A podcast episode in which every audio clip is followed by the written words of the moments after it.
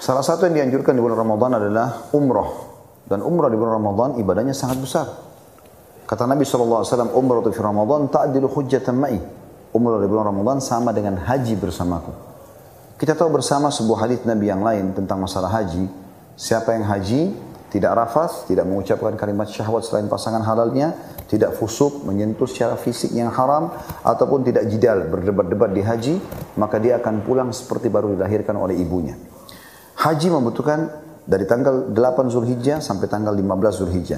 8, 9, 10, 11, 12, 13, 6 hari.